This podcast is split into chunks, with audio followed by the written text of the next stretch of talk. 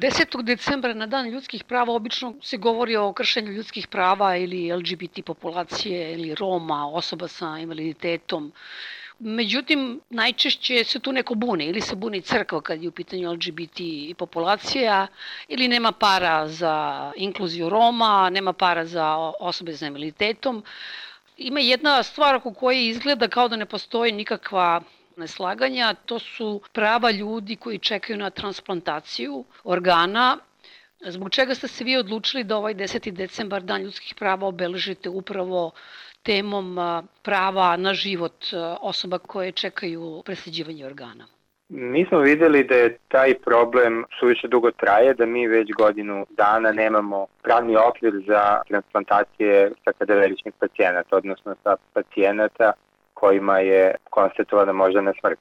To je dosta opasna situacija s obzirom na to da se transplantacije praktično te vrste i ne vrše. Mi imamo veliki broj ljudi koji su na listama čekanja, koji čekaju bubreg, srce, jetru ili neke druge organe koji su im potrebni da bi preživeli ili da bi izlečili neku bolest koja im otežava život, a da naša država već godinu i po dana nije uradila ništa da tu prazninu i to pitanje reši. Dakle, Ustavni sud Srbije je maja prošle godine doneo dve odluke po inicijativi, ja mislim, Srpske radikalne stranke, iako to ne piše odlukama, to sam prosto vidio iz medija, ta stranka je tražila da se oceni ustavnost zakonom propisane pretpostavljene saglasnosti donora, kada veličnog donora za presađivanje organa i tkiva.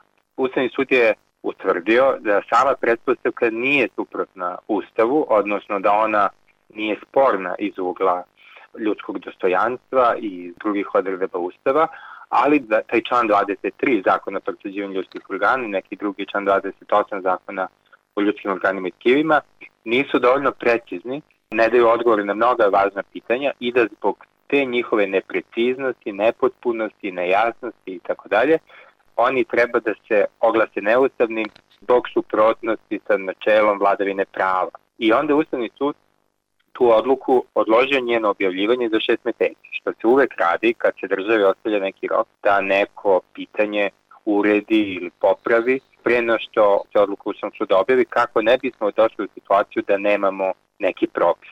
Dakle, mi smo od novembra prošle godine, kad je isteklo tih šest meseci, prosto ostali bez pravnog okvira koji uređuje kadaverične transplantacije i ono što znamo je da se one do avgusta ove godine nisu sprovodile. Ja sam kasnije iz medija vidio da je bila jedna, ali potpuno nejasno kakva je bila procedura prilikom uzimanja provere saglasnosti i tako dalje, s obzirom da mi nemamo norme koje to pitanje uređuju.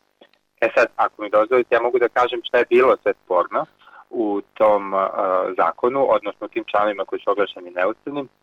Primere radi, ti članovi su propisivali da svako lice može biti donor u slučaju moždane smrti, pod uslovom da ukoliko je reč o punoletno sposobnom čoveku, da je potrebno da se on za života, dakle to smrti, nije usmeno ili pismeno usprotivio doniranje. Ili ukoliko u trenutku smrti se tome nije usprotivio njegov srodnik, roditelj, punoletno dete. Tu je odmah Ustavni sud primetio da nije jasno kako se dokumentuje protivljenja lica da budu donori, s obzirom da naša uprava za biomedicinu nema po zakonu nadležnost da prikuplja te izjave i da ih evidentira i da vodi evidenciju tome. A ona je to iz onoga što ste videli iz odluke suda nezvanično radila, ali Ustavni sud rekao da to mora da bude deo zakona i da to mora da se precizira. Dalje je bilo sporno do kog momenta srodnici mogu da se usprotive uzimanju organa, pošto je zakon rekao da oni treba da se usprotive u trenutku smrti, što je uh, nonsens, dakle trenutak smrti, konstatovanja moždane smrti je trenutak po nekom drugom medicinskom pravilniku kad neka medicinska komisija konstatuje da je nastupila moždana smrt, što je isto bilo nejasno, dakle koji je to rok u kom oni mogu da se izlaze. I Ministarstvo zdravlja nam je rekla da su oni formirali neke radne grupe još decembra prošle godine koje su pripremile neke tekstove za zakonsku proceduru, ali da se čekalo formiranje vlade. Međutim, evo mi imamo sad vladu već izvesno vreme, a ovo pitanje čini se da još nije potegnuto kao važno, niti ušlo bilo koje procedura, a opet kažem nije pitanje od nekog sekundarnog značaja, nego je najdirektnije pitanje koje utiče na spastavanje života ljudi. Mi imamo recimo prema podacima ministarstva preko 700 ljudi koji čekaju bubreg, 60 ljudi koji čekaju jetru i 35 ili slično ljudi koji čekaju srce. Dakle, to je negde 850 ljudi otprilike koji su životno ugroženi i kojima praktično svaki dan nedonošenje i nepreciziranje ovoga vodi direktno u rizik da izgube život zato što mi nemamo taj pravni okvir. Mi smo pitali ministarstvo koliko su imali kadaveričnih transplantacija u posljednjih nekoliko godina, počeo od 2018. godine i dobili smo onako odgovor koji je um, malo nejasan u pogledu tumačenja, ali opet dovoljno jasno govori o čemu se radi. Oni kažu recimo da su 2018. godine sad ću ja da citiram, kaže, realizovano je 23 donora i obavljene 64 transplantacije ljudskih organa. To znači da je sa 23 davalaca, bilo živih, bilo mrtvih, obavljeno 64 transplantacije. Ovo je vrlo jasno da je bilo i donora od kojih je uzimano više organa, što su vrlo opet jasno kadaverični pacijenti, dakle ljudi koji su imali moždanu smrt. Dakle, ukupan broj transplantacija te godine je bio 64, pa 2019. 37, pa 20. 21. 22. nije prelazio 10. Tim što u 22. godini nismo imali ni jednu kadaveričnu transplantaciju. I to su dosta zabrinjavajući podaci, dakle da smo mi sa nekih 60 i nešto pali na svega 10, Dakle, mi sad možemo da imamo čovjeka koji ima moždanu smrt, nemamo pravni okvir. Ja sam čuo pre nekoliko dana koordinatora za presađivanje iz kliničkog centra. Čini mi se koji kaže nas ništa ne može da spreči da mi izvršimo transplantaciju ni jedan zakon ili pravni okvir, ali to nije dobro.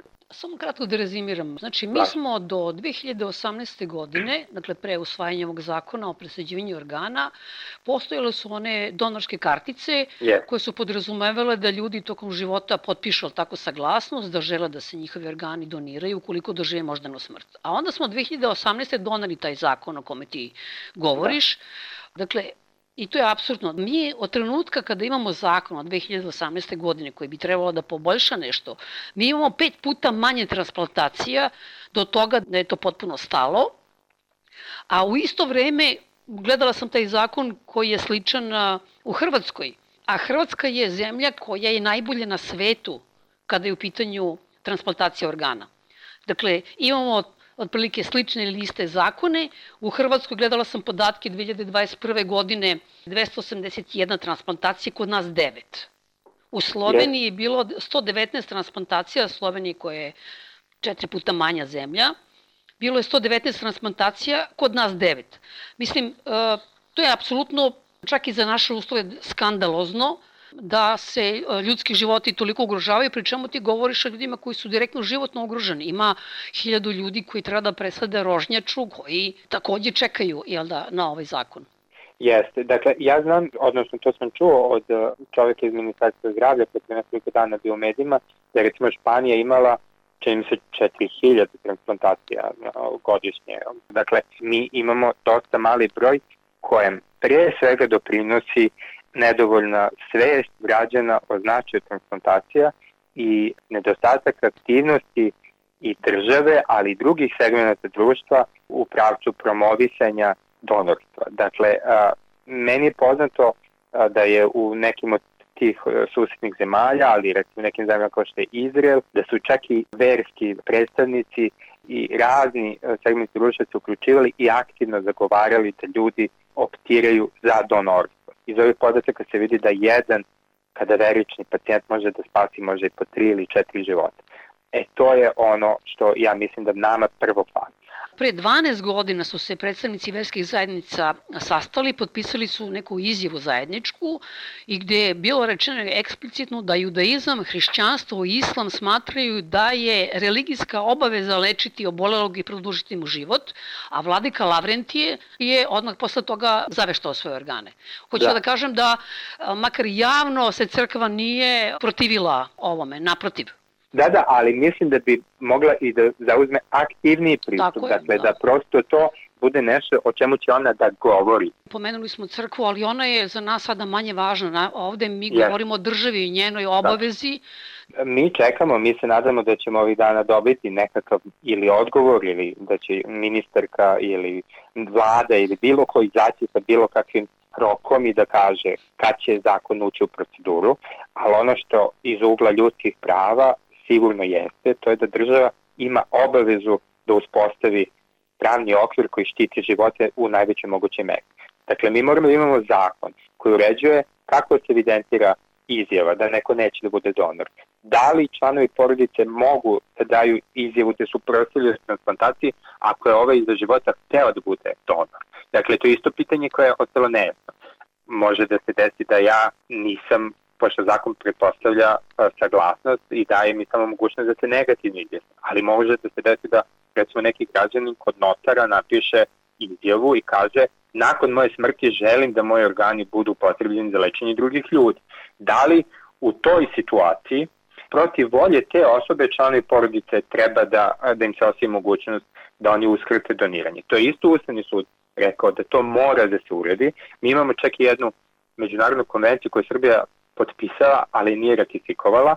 To je dodatni protokol o transplantaciji u okviru Saveta Evrope, koji upravo to kaže, da bi trebalo poštovati volju pojedinca i nakon njegove smrti. I mora da se zna kompletna ta procedura. Mi ne smemo da imamo situaciju da nama oni vrše transplantacije u sivoj zoni. Ja se nadam da će ministarka zdravlja da će da uvide ovu svest i da kao neko ko dolazi iz struke da se što pre oglasi. Dakle, da mi što pre znamo šta je sad stalo? Mi imamo, kažem opet, najmanje 850 ljudi koji čekaju organe i kojima je svaki dan važan, koji svakog dana umiru zbog toga što nemaju ovaj, mogućnost za organ dobiti. Mi iz medija znamo, ja ne znam te zvanične podatke, da mi mnogi organe čak i nemamo pa iz inostranstva, to je onaj eurotransplant, ali i tu mi padamo koliko sam razumeo na tim listama, upravo zato što nemamo donore, a da bismo ih imali, treba da između ostalog sredimo i taj pravni okvir koji će da bude takav da zaista bude u skladu s ljudskim pravima, da ne,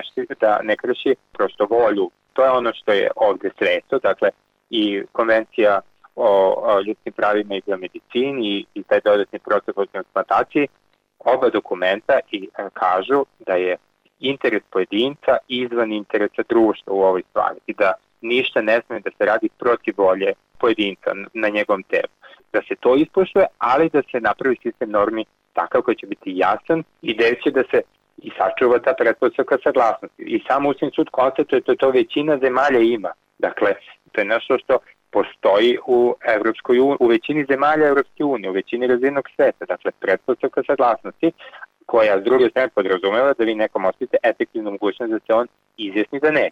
Kad si pomenuo ovaj Eurotransplant, tako se zove, je li tako? Ona da. okuplja tih osam zemalja, oni u stvari imaju tu jedinstvenu listu čekanja, tu su i Hrvatska i Slovenija i Nemačka i ne znam, različite zemlje. Da li smo mi takođe možemo, mislim u teoriji, da budemo deo um, Eurotransplanta ili su to samo zemlje Evropske unije? Pa ja mislim da mi jesmo deo Eurotransplata, ali mi se čini da je bilo nekih problema u tom pogledu zato što mi nismo imali dovoljno donora. Ja nisam siguran. U stvari, evo vidim podatak, upravo vidim na internetu da smo mi bili primljeni u Eurotransplant od 2017. godine. E sad, vidim i da smo mi na začelju zemalja po broju donora. Dakle, ovo funkcioniše po principu međunarodne solidarnosti. Ako vi u jednoj zemlji imate potrebu za nekim organom, nemate ga da će te ga pribaviti iz neke druge zemlje koja ga ima da bi se spasili život od pacijenta, ali podrazume i neki reciprocitet. Dakle, e sad Srbija, s obzirom da ima jako mali broj donora iz svih ovih razloga koje smo pomenuli, je i pitanje koliko njeno učešće u tom a, sistemu solidarnosti uopšte smisleno. Dakle, a, da, to nije jednosmerni proces, mislim. Jednosmerni. Naravno, dakle, to podrazume da država ima ipak neki broj donora koji mogu, da tako kažem, budu iskorišćeni i za potrebe eurotransplanta, odnosno ako nema, dava, ako nema odgovarajuće osobe koja u Srbiji može da primi taj organ, da se recimo da kod drugoj državi koja ima pacijenta koji se čeka taj životno važni organ. I ono što je isto naš apel za Ministarstvo zdravlja, to je da još jednom sednu i da tek poprave.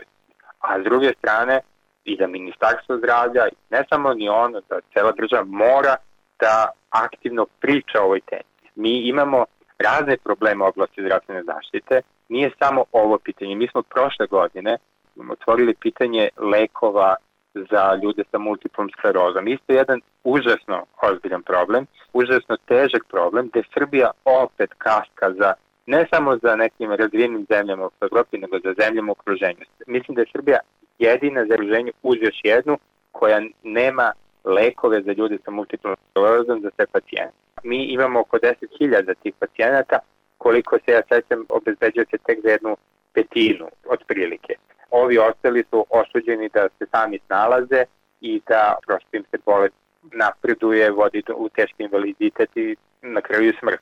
Dakle, to je isto pitanje koje zahtjeva do duše sredstva, za razliku od ovog pitanja transplantacije koje mnogo manje para zahtjeva, možda čak i ne zahtjeva, ali ovo isto stvar koju Srbija mora da stavi na svoj prioritet, umesto da recimo ulaže basnosnovne iznose u jarbole, to piše u nekim međunarodnim instrumentima koje Srbija odbija, kojima se odbija da pristupi, mislim pre svega na ovaj opcijni protokol uz pakt za ekonomska socijalna prava, dakle stav komiteta ovaj, za ekonomska socijalna prava je da država mora pitanja zdravstvene zaštite stavi kao svoj prioritet i da, da mora da uskladi svoje politike tako da ne sme da se pravda time što ulaže u nešto drugo da nema dovoljno novca za zdravlje. A u pitanju, a kad su u pitanju neki vrlo važni medicinski postupci ili e, tretmani lečenja. Dakle, multipla skleroza je praktično smrtonosna bolest, mislim, koja u slučaju ne lečenja vodi ubrzanu smrt, težak invaliditet.